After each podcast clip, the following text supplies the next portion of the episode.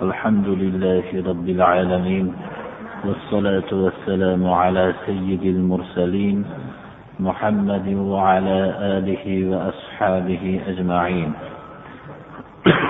أما بعد السلام عليكم ورحمة الله.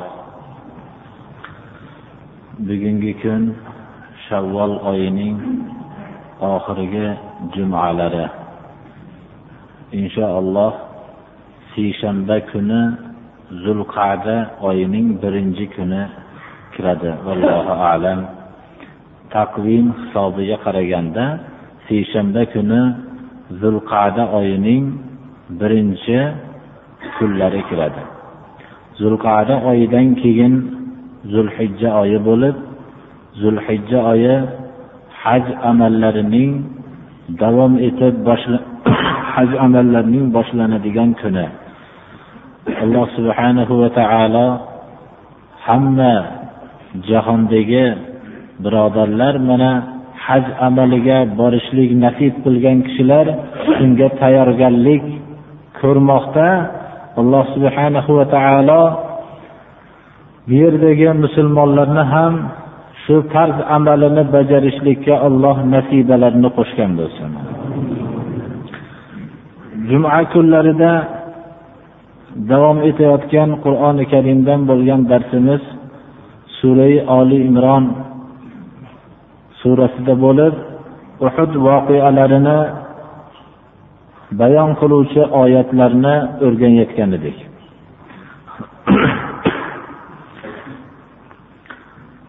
Alloh subhanahu va taolo uhud g'azotida musulmonlarni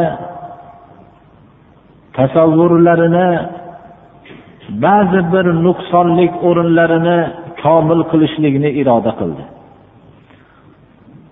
G'alaba alloh subhanahu va taoloning tarafidan ekanligi u ko'pchilik bo'lishlik sababligina g'alaba kelmasligini g'alaba alloh subhanahu va taoloning jo'natgan manhajiga o'zining qanchalik muqayyat qilsa shunchalik olloh tarafidan bo'lgan g'alabaga sazovor bo'lishlikni va bu yetayotgan din yo'lidagi musibatlar bun bilan alloh subhanahu va taolo haqiqiy ollohni yo'lida kurashayotgan kishilar kimlar? Kimlar faqat boshlariga musibat yetmagan vaqtdagina maydonda turishadilar? Kimlar o'zlarini dunyoviy maqsadlari ham bo'lib turganda maydonda turishadi. Kimlar u dunyoviy maqsadlari xoh bo'lishsin xoh bo'lmasin maydonda turishliklarini bildirib qo'yishlik uchun alloh subhana va taolo bu musibatlarni yetkazishligini bayon qilgan edi. Va shu bilan birga alloh subhanahu va taolo mo'minlardan shahidlar olishligini shahid olloh yo'lida moli va jonini ayamasdan bergan kishi edi.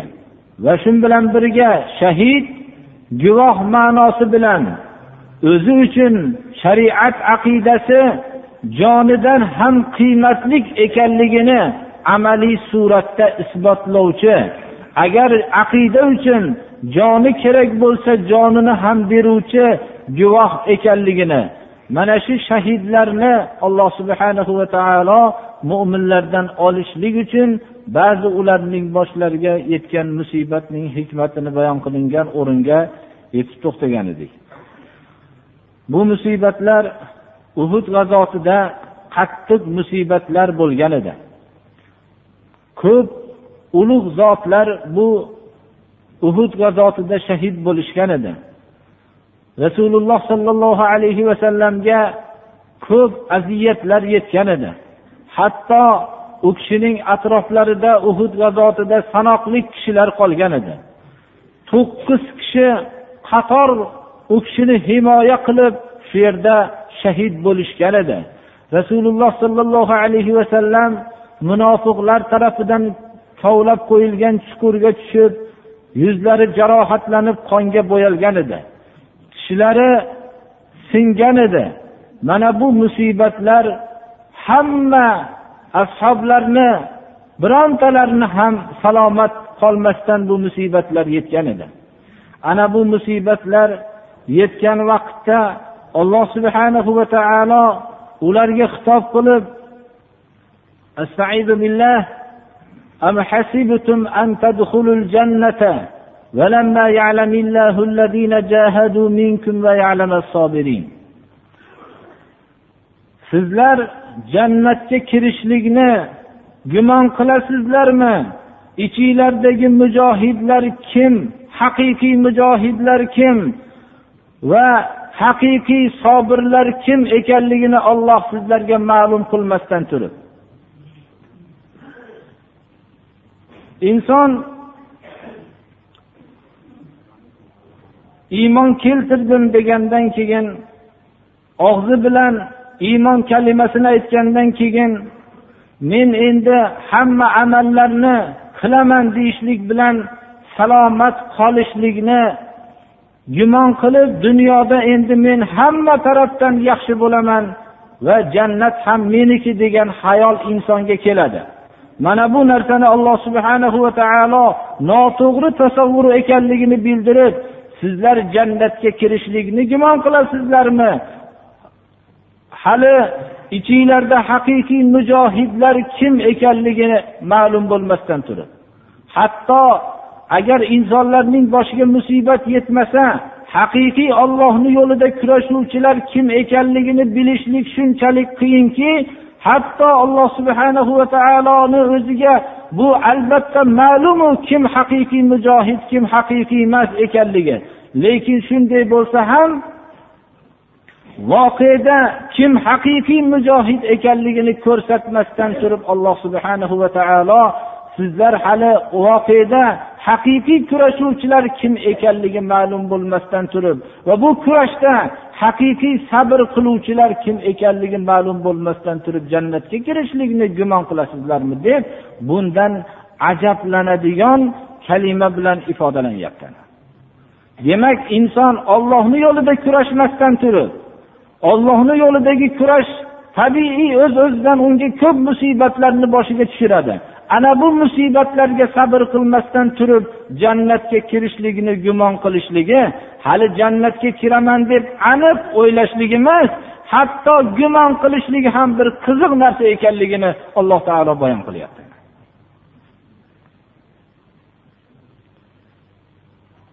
Rasululloh sollallohu alayhi vasallamning huzurlariga habbob ibn arab ismli sahoba ikromlardan bittalari kelib yo rasululloh bizlarni haqqimizga duo qilmaysizmi? Ko'p aziyatlar tortdik din yo'lida deganlarida kabaning soyasida yonboshlab turgan vaqtlari edi.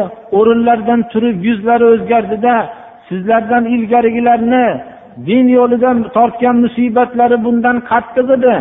Ularning bittalarini ayblari la ilaha illalloh bo'lganligi uchun boshlariga arra tortishib aralab tashlashardi butun badanlarini tirnab go'shtlarini titib tashlab suvagi qolguncha tirnab tashlanardi. Ammo bu voqealar u bu aziyatlar ularni dindan qaytarolmasdi. Qasam ollohgaki bu dinni olloh o'zi komil qiladi. Eng dahshatli o'rinlar ham islom adolati soyasida dahshati yo'qoladi deb ifodalovchi mazmundagi hadisni aytdilar. Bu aziyat bizga ko'p yetdi duo qiling degan habbob arab shunday ko'p aziyat tortganligini biz avvalgi darslarimizda aytib o'tganmiz. Bu kishi shunday ko'p aziyat tortganlarki bu kishi qullik vaqtlarida rasululloh sollallohu alayhi vasallam olib kelgan islomni qabul qilganligi uchun hojasi ayol kishi edi shunday aziyat berardiki cho'g'ni ustiga yotkizib qo'yardi. Bu kishidan tomgan yog'ni ko'pligidan o't o'chib qolardi birodarlar. Hatto habbobnul arabni rasululloh sollallohu alayhi vasallamdan keyin yashadilar. Bu kishi umar ibn hattob davrida ko'p aziyatlarni qanday chekkanligini so'rardilar. Umar ibn hattobdek salobatli kishi habbob arabni tortgan aziyat o'rinlarini bir ko'rmoqchi bo'lib yanlarida orqalarini ochganlarida umar ibn hattob bu kishini holatlarini ko'rib qo'rqib ketadilar ana shunday. Ana shunday ko'p aziyat tortgan kishi yo rasululloh bizlarni haqqimizga duo qilmaysizmi? deb duo qilgan talab qilganlarida aytdilarki bu yuzlari hatto o'zgarib bundan ham qattiq ozorlarga din yo'lida o'tgan millatlar chidagan dedilar. Mo'min kishi o'zining ubudiyat maqomini esdan chiqarmaslik kerak. Ubudiyat maqomini qo'lga keltirgan kishi men ollohning bandasiman deydi. Olloh rabbim deydi. Rabbimni hukmini qilaman agarki xoh menga musibat yetsin xoh rohat yetsin bu narsa menga qizig'i yo'q deydi. Mana bu ubudiyat maqomida turgan kishining fikri tasavvuri shunday bo'lmoqligi kerak. Hatto unga kelgan yutuqlarni dunyodagi yutuqlarni. Yutuq deb qabul qilmasligi kerak balki imtihonning boshqacha bosqichiga tushyapman deb qabul qilishligi kerak. Qiynalgan odatda qiynalgan o'zining g'oyasi yo'lida qiynalgan millatlar biror bir yutuq kelgandan keyin u yutuqni endi o'tgan davrdagi qiynalishlarni biz chiqaramiz deb qabul qilishadi boshqa millatlar. Ammo haqiqiy musulmon kishi endi imtihonning og'irroq bosqichiga uchradim deyishligi kerak. Chunki inson qiynalgan vaqtlarda ko'p kishilar salohiyatli bo'ladi. Ammo bir insonni qo'lida davlat martaba kelgan vaqtda uni shaxsiy tarafiga foydalanib ketadigan odamlar ko'pchilikni tashkil qiladi. Faqat iymonu taqvosi mustahkam bo'lgan kishilargina shunday davr agar ta'bir joiz bo'lsa davr kelgan vaqtda bu davrni xalqlar manfaatiga ishlatishadilar. Mana bu oyat jannatga kirishlikni gumon qilasizlarmi degan gumon kalimasi bilan kelishligi hammamiz uchun dars bo'lmoqligi kerak.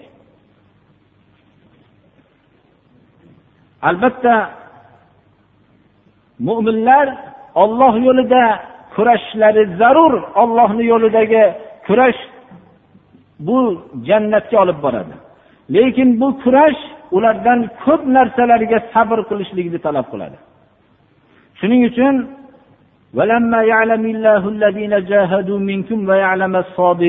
sobirlarni alloh subhanahu va taolo voqeada hali bilmasdan turib ularni voqeadan ma'lum qilmasdan turib jannatga kirishlikni davo qilasizlarmi gumon qilasizlarmi degan oyatning mazmunini qisqacha shundan iborat.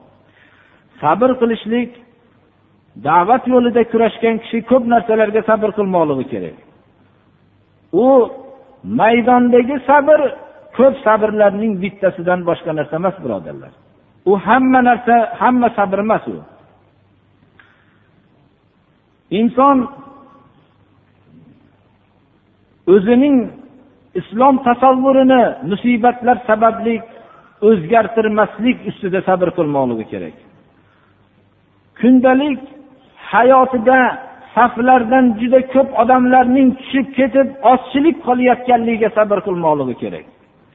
Va ma'lum bir davrlarda botilning rivojlanib ketib ketayotgan holatini ko'rib bizdan ko'ra biz haq bo'ladigan bo'lsak bu botil ahllari rivojlanib ketyaptiyu degan holatga sabr qilishmoqligi kerak. Inson haqiqiy iymon bir kishiga nasib bo'lgan bo'lsa u albatta ahli botillar tarafidan juda ko'p aziyatlarga duchor bo'ladi. Ana shu botilni rivojlanib ishib borayotganligiga sabr qilishlik kerak va shu bilan birga yo'lning uzoq ketayotganligiga mashaqqatlarning ko'payib ketayotganligiga sabr qilmoqligi kerak. Xullas inson g'alabaga erishgandan keyin endi bir rohat holatlari kelgan vaqtda ham sabr qilmoqligi kerakki bu rohatlarga aldanib haqiqiy islom yo'lidagi harakatini to'xtatib qo'ymasdan xullas iymon tillarni o'zi bilan aytilingan so'z emas. Jannat faqat til bilan aytilingan so'zga beriladigan mukofot emas. Albatta ollohni yo'lidagi kurash va allohni yo'lidagi kurashga ko'p sabrlar qilishlik jannat yo'lidir ana. Huffatil jannatu bil makarih va huffatin naru bil shahavat. Jannatni o'rab qo'yilgan inson nafsiga yoqimsiz bo'lgan ko'p narsalar bilan do'zaxni o'rab qo'yilgan shahavotlar bilan nafs xohlaydigan narsalarni qilib borsangiz olloh saqlasin do'zaxdan chiqib qolasiz. ana jannatda o'rab qo'yilgan insonning nafsiga yoqimsiz bo'lgan narsalar bilan insonni nafsiga qattiq tegadigan kurashlar bilan o'rab qo'yilgan bu kurashlar bosqichini bosib o'tsangiz olloh nasib qilsin hammamizga jannatdan chiqib qoladimiz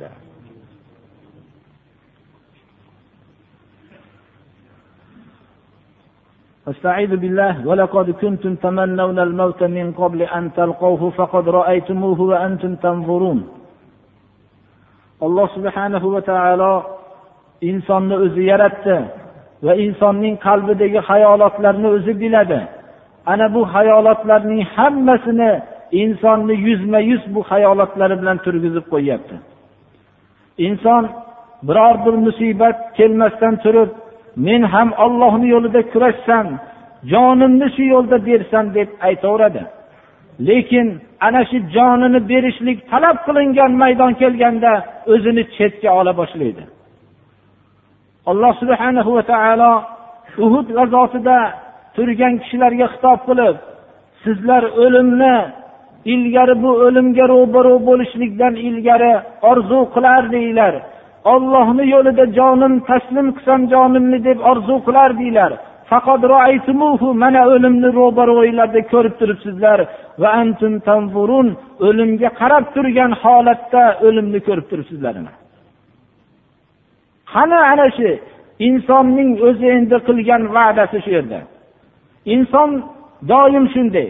Agar molim davlatim bo'lganda men bu ishlarni o'zim bajarib qo'ygan bo'lardim deydi. Moli davlatni alloh subhana va taolo unga nasib qiladi lekin u ishni hech ham qilmaydi. Agar kuch quvvatim bo'lganda hozir kasallanib yotmasdan kuch quvvatim bo'lganda shu ishlarni o'zim bajarardim deydi. Alloh subhana va taolo kuch quvvatni ham beradi kasallikdan unga shifo beradi lekin u maydonda buni topib bo'lmaydi birodarlar. Men agar ollohni yo'lida jonimni qurbon qilishlikka tayyorman deydi lekin ana shunday jonini ollohni yo'li talab qilib turgan vaqtda u chekinuvchilarning birinchisi bo'ladi. Inson o'zining so'zi bilan aytayotgan so'zi bilan qiladigan amal o'rtasidagi maydonni nihoyatda anglab turib va'da qilmoqligi kerak. Ba'zi kishilarning so'zlari bilan amaliy ishlarning o'rtasidagi farq mashriq bilan mag'ribcha bo'ladi. U inson o'zini so'zini shundagina qanchalik qadrli yo qadrsiz ekanligini o'zini hayotiy tajribasidan anglasa bo'ladi. Alloh subhana va taolo mana bu joyda insonning o'zini hayolot fikrlari bilan ro'baro qilib sizlar o'limga ro'baro bo'lishdan ilgari o'limni orzu qilardinglar ollohni yo'lida jon berishlikni. Mana qarab turgan holatinglarda o'limni ko'rdinglar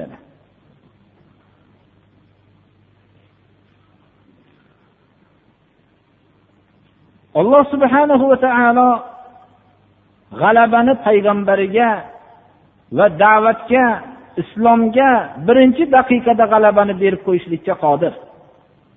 Alloh subhanahu va taolo mo'minlarni hech qanday din yo'lida da'vat qildirmasdan kurashtirmasdan g'alabani berib qo'yishlikka qodir.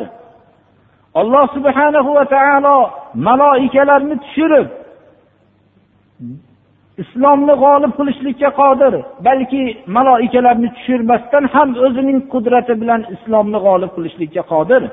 Lekin masala g'alaba masalasi emas. Bu yerdagi masala musulmon jamoani tarbiyalashlik. Musulmon jamoa kelajakda bashariyat yetakchiligini qo'lga oladigan musulmon jamoa o'zining hayotiy bosqichida mana shu bosqichlarni bosib o'tmoqligi zarurdir. Ana shuning uchun alloh subhanahu va taolo ularning xursandlik g'amginlik moli davlatlik kambag'allik g'oliblik mag'lublik mana bu bosqichlarning hammasini insoniyat yetakchiligini qo'lga oladigan islom ummatining ustidan bu tajribalarni o'tkazadi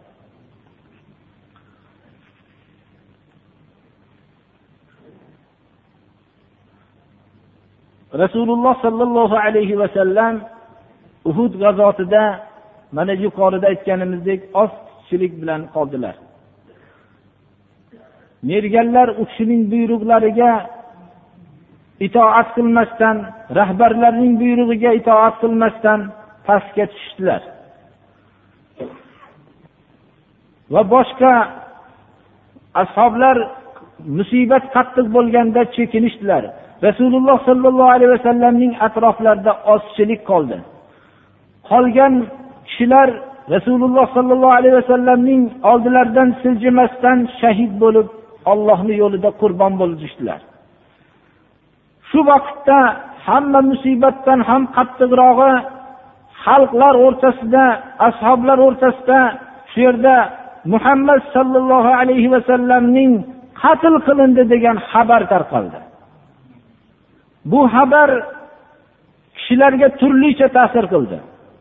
Munofiqlarga xursandlik bilan bu ta'sir qildi. Ba'zi ashobi ikromlar muhammad alayhissalom qatl qilingan bo'lsa bizning kurashimizni nima keragi bor degan fikrga kirishdilar ba'zi ashoblar agar muhammad alayhissalom qatl qilingan bo'lsa olloh tirik o'lmaydi aqida islom yo'lida qiyomatgacha boqiy bo'lgan din yo'lida sizlar ham o'linglar deyishdi. Bular jumlasidan nazr ibn anas roziyallohu anhu aytadilarki rasululloh sollallohu alayhi vasallamning qatl qilindi degan xabar tarqalgan vaqtda ashoblarning hammalari susayib qolishdilar. Shunda aytishdilarki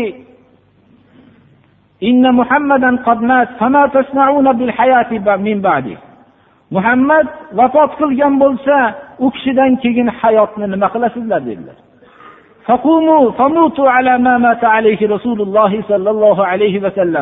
Sizlar ham muhammad alayhissalom qaysi yo'lda o'ldirilgan bo'lsa sizlar ham shu yo'lda o'ldiringlar bo'lmasam deb shunday bir birlariga xitob qilishdilar alloh subhanahu va taolo bu xabarning tarqalishligi bilan rasululloh sollallohu alayhi vasallamning kelajakda dunyodan o'tishligi muqarrar ekanligi bu aniq bir xabar edi. Shu vaqtda insonlarning dovdirab qolmasligi uchun ana shu vaqtda buni bir ularning hayotlaridan tajribasini o'tkazdi. Va hammalari uchun bo'lgan birlamchi oddiy haqiqatni bayon qildi bu kelgusi oyatda.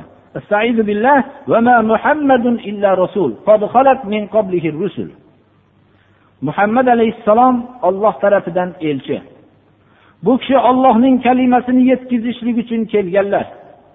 Olloh abadiy azaliy zotdir olloh o'lmaydi ollohning kalimasi abadiy azaliy o'lmaydi muhammad alayhissalom mabodo dunyodan vafot qilsalar yoyinki mabodo qatl qilinsa u kishi alloh subhanahu va taoloning kalimasini yetkazishlik uchun kelgan olloh tarafidan elchi bu kishi o'zlarining vazifalarini o'tagandan keyin olamdan ketsa odamlar dindan qaytib ketishadimi? Ana bu narsa bu haqiqatni alloh subhana va taolo muhammad alayhissalomning tiriklik vaqtida insonlar boshidan o'tkazdi. Muhammadun illa rasul. Muhammad alayhissalom olloh tarafidan kelgan elchigina. Faqat u kishi elchidir. U kishi olloh tarafidan dini islomni xalqlarga yetkazishlik uchun kelganlar. Bu kishi vafot topadi. Bu kishining vafot topishligi bir kun qiziq ish emas. U kishidan ilgari ko'p payg'ambarlar da'vat vazifasi uchun olloh tarafidan elchi bo'lib kelib bu elchilik vazifasini yetkazganlardan keyin vafot topib o'tib ketishganlar. Bu kishi ham vafot topadi bir kun.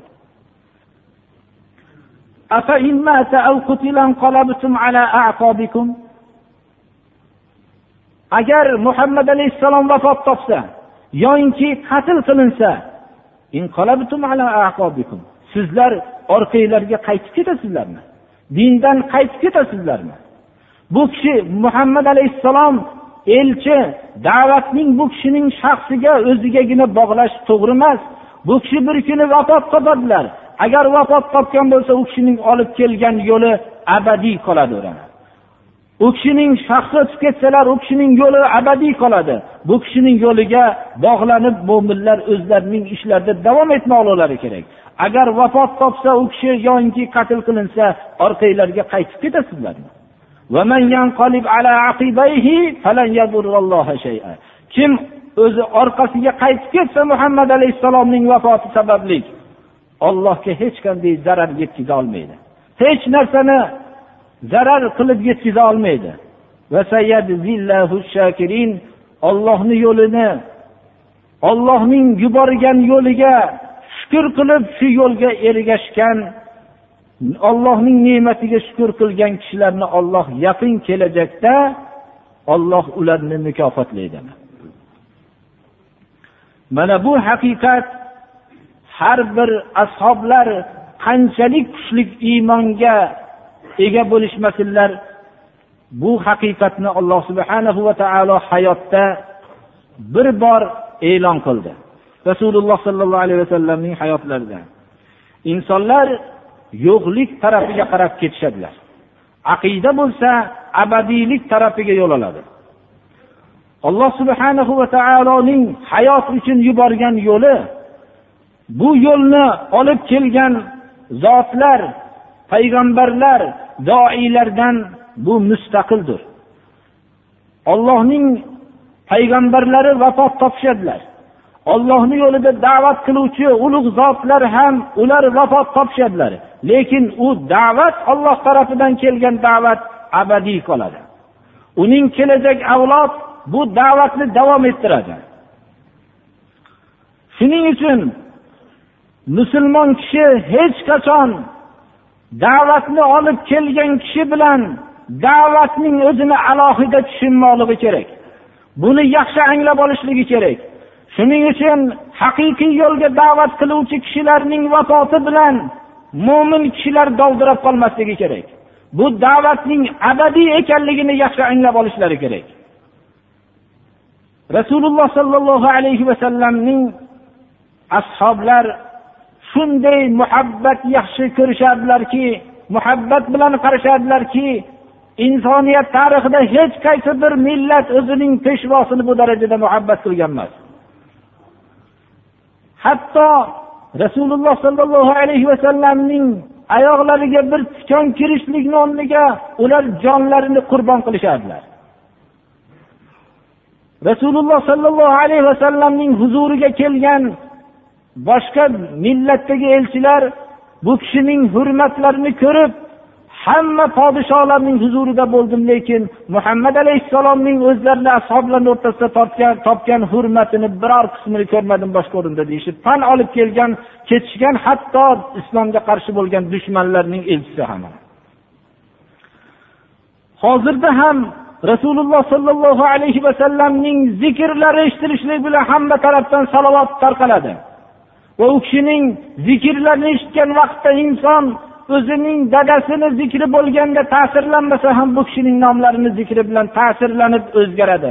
Shu darajada u kishining hayotlaridan keyin qolgan islom millati shu darajada muhabbat bilan u kishining nomlariga ham shunday munosabatda turishadi.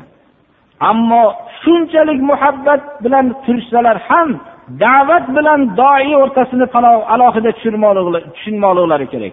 Da'vat o'lmasdan qiyomatgacha qoladi. Ammo doiylar da'vat qiluvchilar bular inson bular vafot topishadilar muhammad alayhissalom ham o'tgan payg'ambarlar jumlasidan payg'ambardir u kishi ham. O'tgan payg'ambarlar ham da'vatni qilib dunyodan ko'z yumishdilar. Muhammad alayhissalom ham bir kuni olamdan o'tadi. Bu kishi o'zining vazifasini o'tagandan keyin dunyodan o'tganlarida vafot topsalar yo qatl qilinsa bu kishi sizlar diniylardan qaytib ketasizlarmi agar bu yo'ldan qayt kim qaytsa alloh subhanahu va taologa hech qanday zarar yetkaza olmaydi. Olloh bu olloh tarafidan kelgan yo'lga shukur qilgan shokirlarni yaqin kelajakda mukofotlaydi. Haqiqatda ham rasululloh sollallohu alayhi vasallam vafot topganlarida ashoblarga oson bo'lmadi. Hatto shunchalik salobatlik nihoyatda mustahkam bo'lgan umar ibn hattob bu xabarni eshitganlarida rasululloh sollallohu alayhi vasallam vafot topganlarida keyin kim rasulullohni vafot topdi degan bo'lsa qilichdan o'tkazaman deb qilichlarini sug'urdilar. Shunday so'zni bu kishining muhabbatlari payg'ambarimiz sollallohu alayhi vasallamga bo'lgan muhabbat butun vujudlarni qamrab qolganligidan shu birlamchi haqiqatni esdan chiqarib qo'ydilar. Bu yerda sabab bilan turgan faqat abu bakr roziyallohu anhu bo'ldilar. Rasululloh sollallohu alayhi vasallamning vafot topganligini u kishi bordilar. Hujrai saodatda ko'rdilar va u kishini yuzlarini ochib o'pdilar va aytdilarki xushbo'yligingiz tirikligingizda ham xushbo'y edingiz vafotingizda ham xushbo'ysiz deb shunday dedilarda xalqni oldiga keldilar.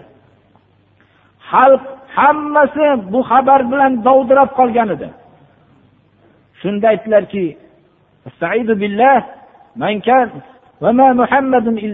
oyatini o'qidilar.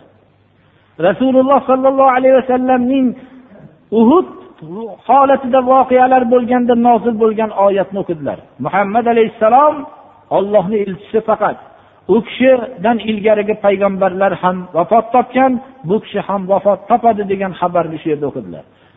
Umar ibn hattob aytadilarki go'yoki shu oyat hozir nozil bo'lgandek tushundik.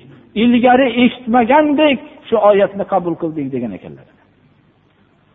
Va aytdilarki من كان من كان يعبد محمدا فإن محمدا قد مات ومن كان يعبد الله فإن الله حي لا يموت dedilar kim muhammad alayhissalomga ibodat qilgan bo'lsa u kishi vafot topdi kim ollohga ibodat qilayotgan bo'lsa olloh tirik o'lmaydi dedilar ana ana butun ashoblar bu so'zni anglashdilar ana alloh subhanahu va taolo bu voqeadan ilgari insonlarning hayotida shu xabarni bir tajribadan o'tkazishligi ham ashoblar uchun bir katta ne'mat bo'ldi mana bu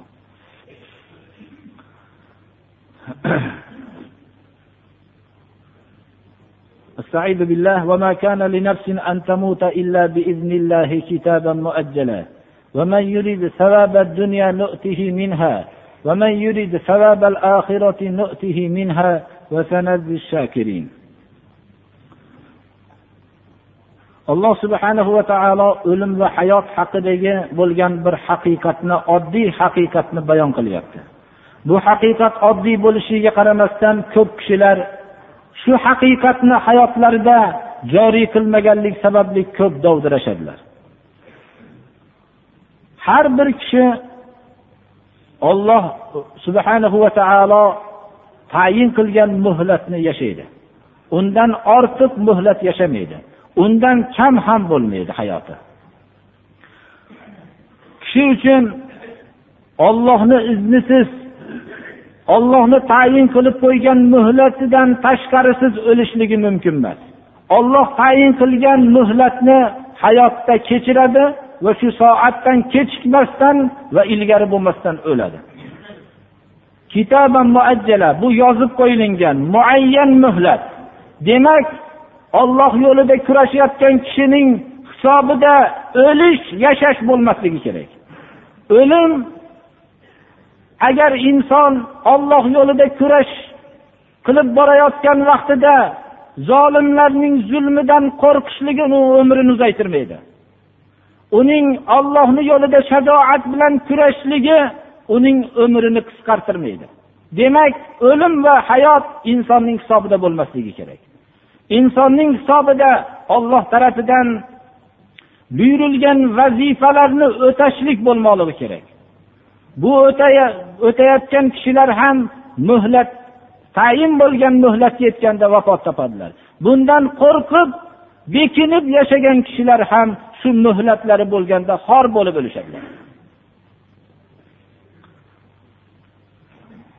Va hayotda insonlar ikki turli bo'ladi.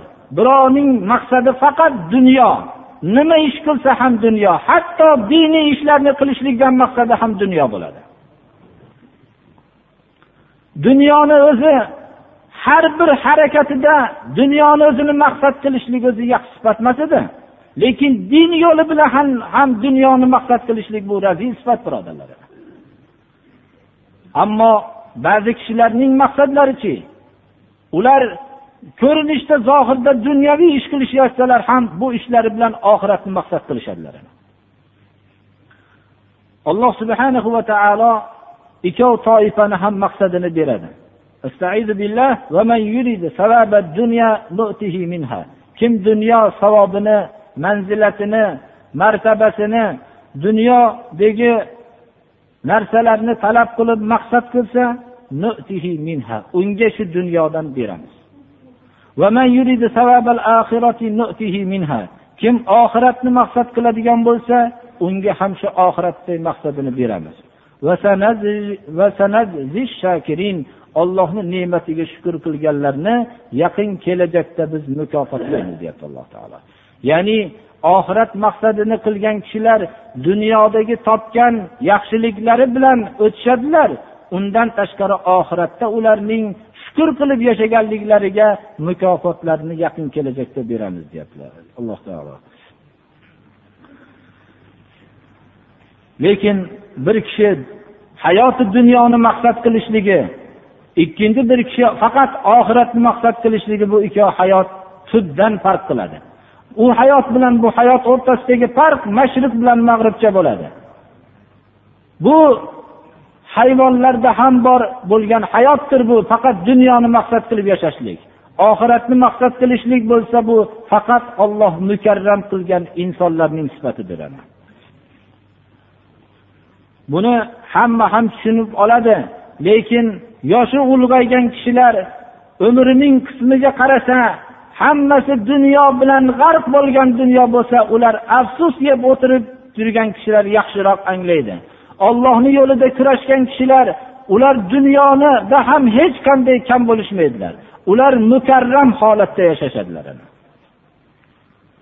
Ammo dunyoni faqat maqsad qilib yashagan kishilar shunday xor bo'lishadilarki xorliklarni ham sezmaydigan xor bo'lib yashashadilar. Buni hatto oddiy kimsalar ham ularni xor bo'lganligini ko'rib turgan soatda ular o'zlarini aziz bo'lib yashayapman deb hayol qilishadilar. Dunyoda bundan katta xorlik yo'q birodarlar xor oddiy bir kimsalar uning xorligini ko'rsayu o'zi o'zini xorligini ko'rmasdan balki bu xorlikni azizlik deb yashayotgani bu kimsadaqa xor kishi yo'q dunyoda. Alloh subhanahu va taolo hammaning maqsadini berishlikni o'zini iroda qildi. Bir odam dunyoni maqsad qilgan bo'lsa dunyoni berdi unga. Bir odam oxiratni maqsad qilsa oxiratni ham beramiz deb va'da qilyapti. Alloh subhana va taolo hammamizni oxiratni maqsad qilib ish qiladigan kishilardan qilsin. Alloh subhana va taolo o'tgan vaqtdagi dunyo maqsadida qilib faqat xor bo'lgan hayotimizni o'zi kechirsin. Alloh subhana va taolo qolgan hayotimizda oxiratni o'zini rizosini o'ylab ish qiladigan kishilardan qilsin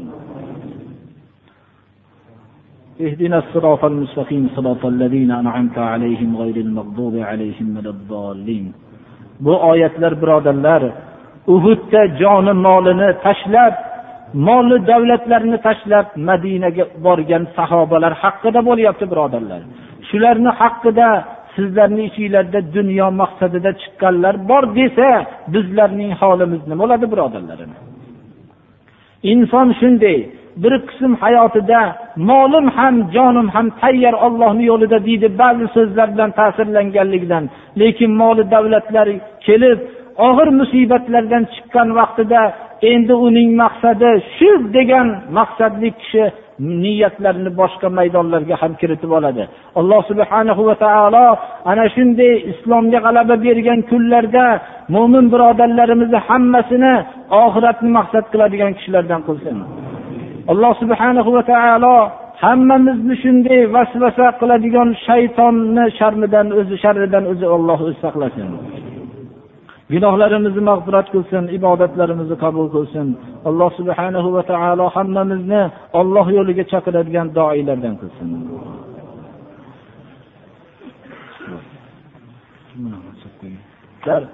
Mana da'vat yo'lidagi ashoblarning ko'p tortgan qiyinchiliklari. Islomning avvalidan tortib madina hamma muhiti o'zi musibat qiyinchilikni o'z ichiga olyapti. Yana alloh subhanahu va taolo ular haqida jannatga kirishlikni gumon qilasizlarmi? O'tgan millatlarning boshiga musibatlar yetgan musibatlar yetmasdan turib degan oyat nozil bo'lyapti. Biz da'vatni ko'p joylarni hammamiz o'zimiz da'vat qilyapmiz.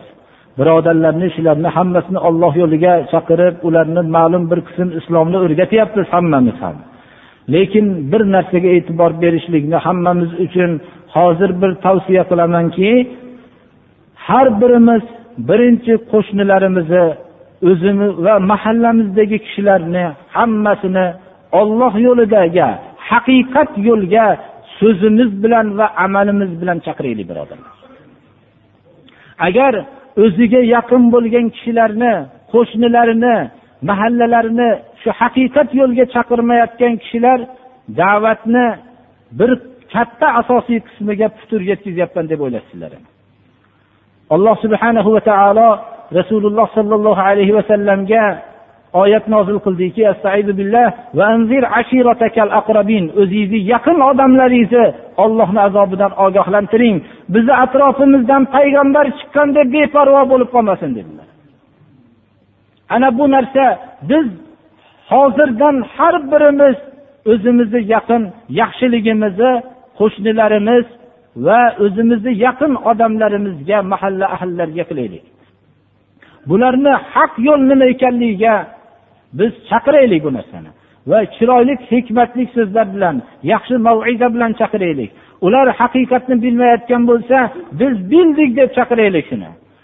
Eng yaxshi narsani ilindim deb kiraylik shu yerga. Eng yaxshi narsa olloh yo'lidagi yurishlikdan yaxshi narsa yo'q birodarlar. Biror bir taom qilsak biror ziyofat qilsak mahalla ahllarini chaqiramiz. Bu ziyofat ularning uylarida ham bor birodarlar. Ammo hozirgi aytayotgan da'vat ziyofati juda ko'p xonadonlarda yo'q. Ana bu xonadonlarda edi islomga chaqiraylik shularni tushuntiraylik shu narsani. Har bir kishi o'zining asosiy vazifasi deb bilsinki yaqin odamlarini shuni qalbiga kirib haqini tushuntirishlikni. Bizni jome madrasa masjid ahllariga mana shu narsa xulq bo'lib qolsin.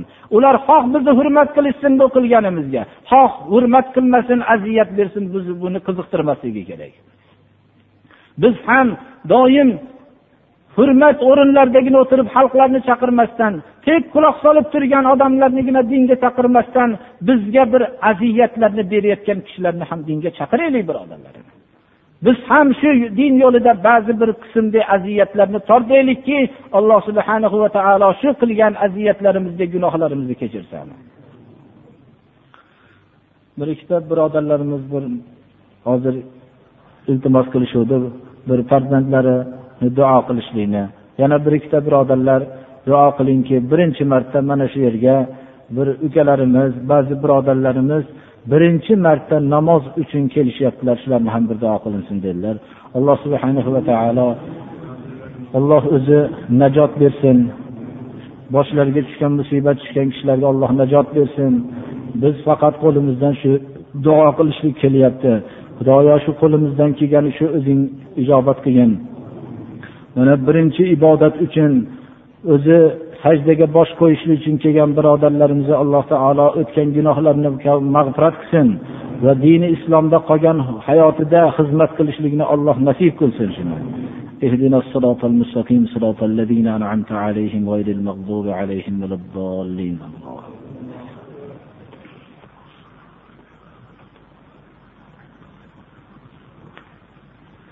بسم الله الرحمن الرحيم. اللهم تقبل منا إنك أنت السميع العليم. اللهم يسر لنا أمورنا أمور الدنيا والآخرة وأجرنا من خزي الدنيا وعذاب الآخرة. اللهم استرنا بسترك الجميل. اللهم إنا نسألك العفو والعافية في الدين والدنيا والآخرة. اللهم احفظنا يا فياض من جميع البلايا والأمراض. اللهم أعنا على ذكرك وشكرك وحسن عبادتك. اللهم إنا نعوذ بك من الكفر والفقر والجبن والكسل ومن فتنة المحيا ومن فتنة الممات ومن فتنة المسيح الدجال ومن فتنة عذاب القبر. وأن نرد إلى أرض العمر. اللهم حبب إلينا الإيمان وزينه في قلوبنا وكره إلينا الكفر والفسوق والعصيان. واجعلنا من الراشدين وتوفنا مسلمين وألحقنا بالصالحين غير خزايا ولا مفتونين وصلى الله تعالى على خير خلقه محمد وآله وأصحابه أجمعين الطاهرين الطيبين وارحمنا واحشرنا معهم برحمتك يا أرحم الراحمين har bir mahallani ta'lim berilsin deb gapirilingan so'z qo'ni qo'shnilarga islomni o'rgatishlikka aytilingan so'z bu yerdagi ayollarga ham tegishlidir shuni. Ular ham o'zlarini yaqinlarini qarindoshlarini hamma ayollarni ta'lim berishlik